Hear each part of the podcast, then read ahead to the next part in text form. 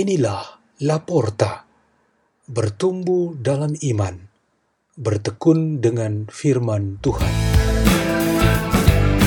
Bersama tim Laporta, asuhan Peter Tukan, Imam Biarawan SDB, Salesian Don Bosco.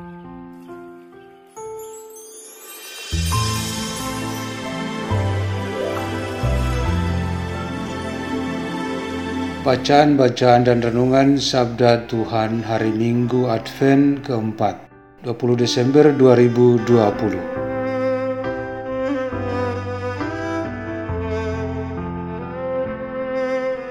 Pembacaan dari kitab kedua Samuel. Pada waktu itu, ketika Raja Daud telah menetap di rumahnya sendiri, dan Tuhan telah mengaruniakan kepadanya keamanan terhadap semua musuh di sekelilingnya, berkatalah Raja Daud kepada Nabi Nathan, Lihatlah, aku ini diam dalam rumah dari kayu aras, padahal tabut Allah diam di bawah tenda. Lalu berkatalah Nathan kepada Raja, Baik, lakukanlah segala sesuatu yang dikandung hatimu, sebab Tuhan menyertai engkau. Tetapi pada malam itu juga datanglah firman Tuhan kepada Nathan. Pergilah, katakanlah kepada hambaku Daud, beginilah firman Tuhan. Masakan engkau yang mendirikan rumah untuk kudiami, akulah yang mengambil engkau dari padang, ketika engkau menggiring kambing domba. Engkau kuambil untuk menjadi raja atas umatku Israel. Aku telah menyertai engkau di segala tempat yang kau jalani dan telah melenyapkan semua musuh dari hadapanmu. Aku membuat besar namamu seperti nama orang-orang besar yang ada di bumi.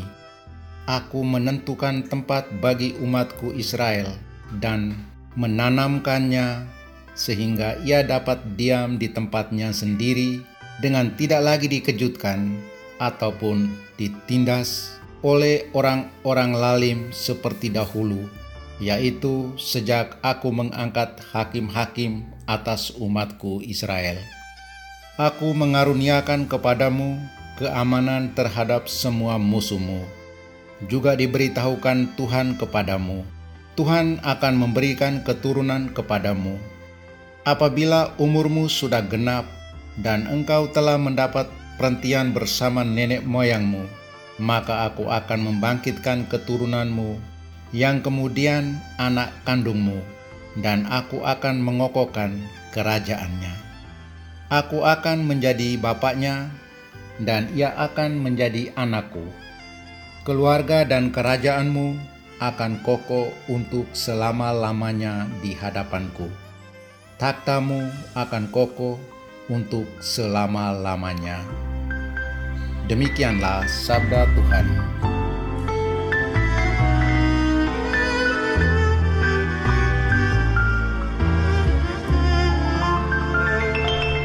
Pembacaan dari surat Rasul Paulus kepada jemaat di Roma.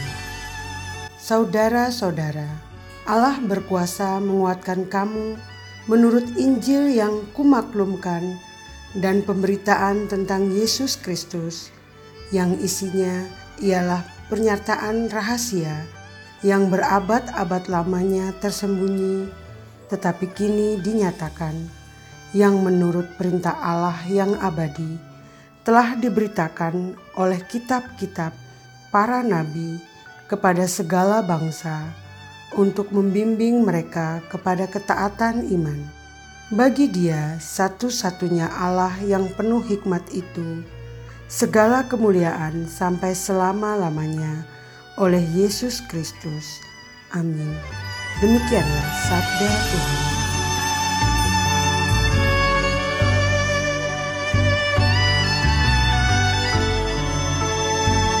Injil Tuhan kita Yesus Kristus menurut Lukas bab 1 ayat 26 sampai 38. Dalam bulan ke-6 Allah mengutus malaikat Gabriel ke sebuah kota di Galilea bernama Nazaret kepada seorang perawan yang bertunangan dengan seorang bernama Yusuf dari keluarga Daud. Nama perawan itu Maria. Ketika masuk ke rumah Maria, Malaikat itu berkata, Salam, hai engkau yang dikaruniai, Tuhan menyertai engkau. Maria terkejut mendengar perkataan itu, lalu bertanya di dalam hati, apakah arti salam itu? Kata malaikat itu kepadanya, Jangan takut, hai Maria, sebab engkau beroleh kasih karunia di hadapan Allah. Sesungguhnya engkau akan mengandung dan akan melahirkan seorang anak laki-laki, dan hendaklah engkau menamai dia Yesus. Ia akan menjadi besar dan disebut Anak Allah yang Maha Tinggi, dan Tuhan Allah akan mengaruniakan kepadanya takhta Daud, bapa leluhurnya ia akan menjadi raja atas kaum keturunan Yakub sampai selama-lamanya, dan kerajaannya tidak akan berkesudahan. Kata Maria kepada malaikat itu, "Bagaimana hal itu mungkin terjadi? Karena aku belum bersuami." Jawab malaikat itu kepadanya, "Roh Kudus akan turun atasmu, dan kuasa Allah yang Maha Tinggi akan menaungi engkau. Sebab itu, anak yang akan kau lahirkan itu." Akan disebut kudus anak Allah. Dan sesungguhnya Elizabeth sanakmu itu, ia pun sedang mengandung seorang anak laki-laki pada hari tuanya, dan inilah bulan yang keenam bagi dia yang dikatakan mandul itu. Sebab bagi Allah tidak ada hal yang mustahil. Maka kata Maria, Sesungguhnya aku ini adalah hamba Tuhan, terjadilah padaku menurut perkataanmu. Lalu malaikat itu meninggalkan Maria. Demikianlah Injil Tuhan.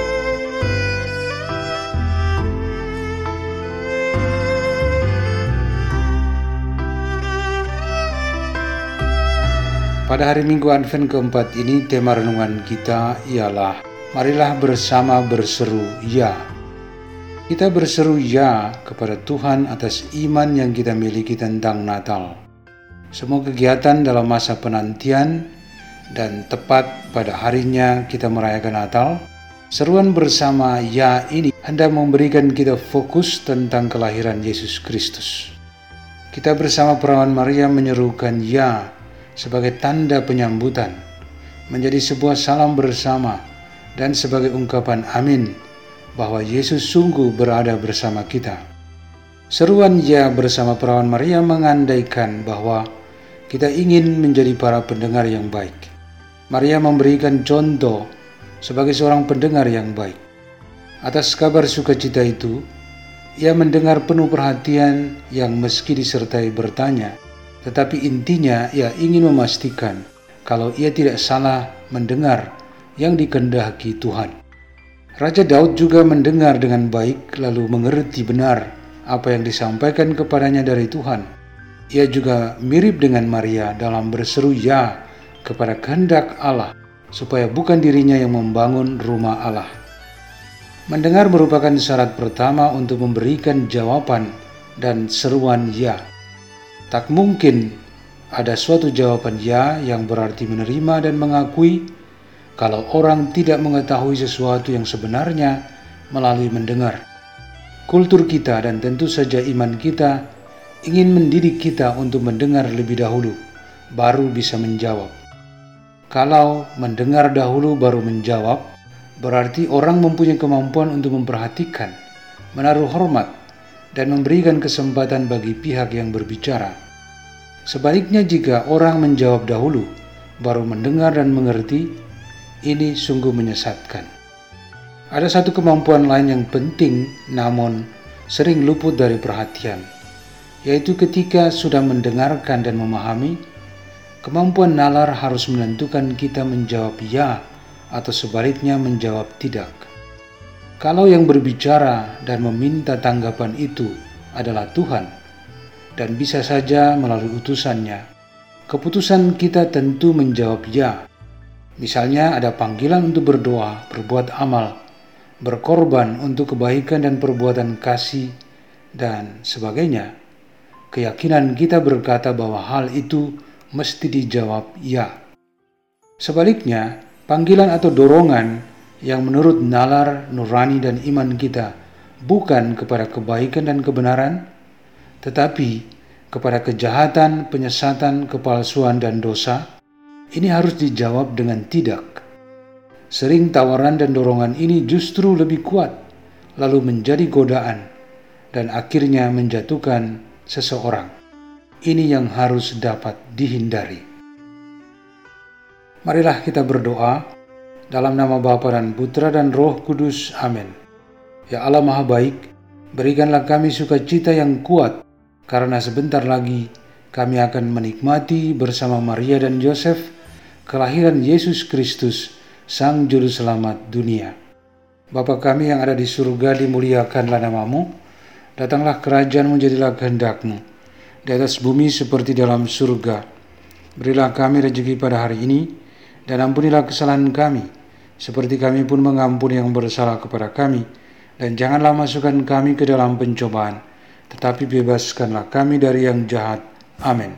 Dalam nama Bapa dan Putra dan Roh Kudus. Amin. La porta, la porta, la porta.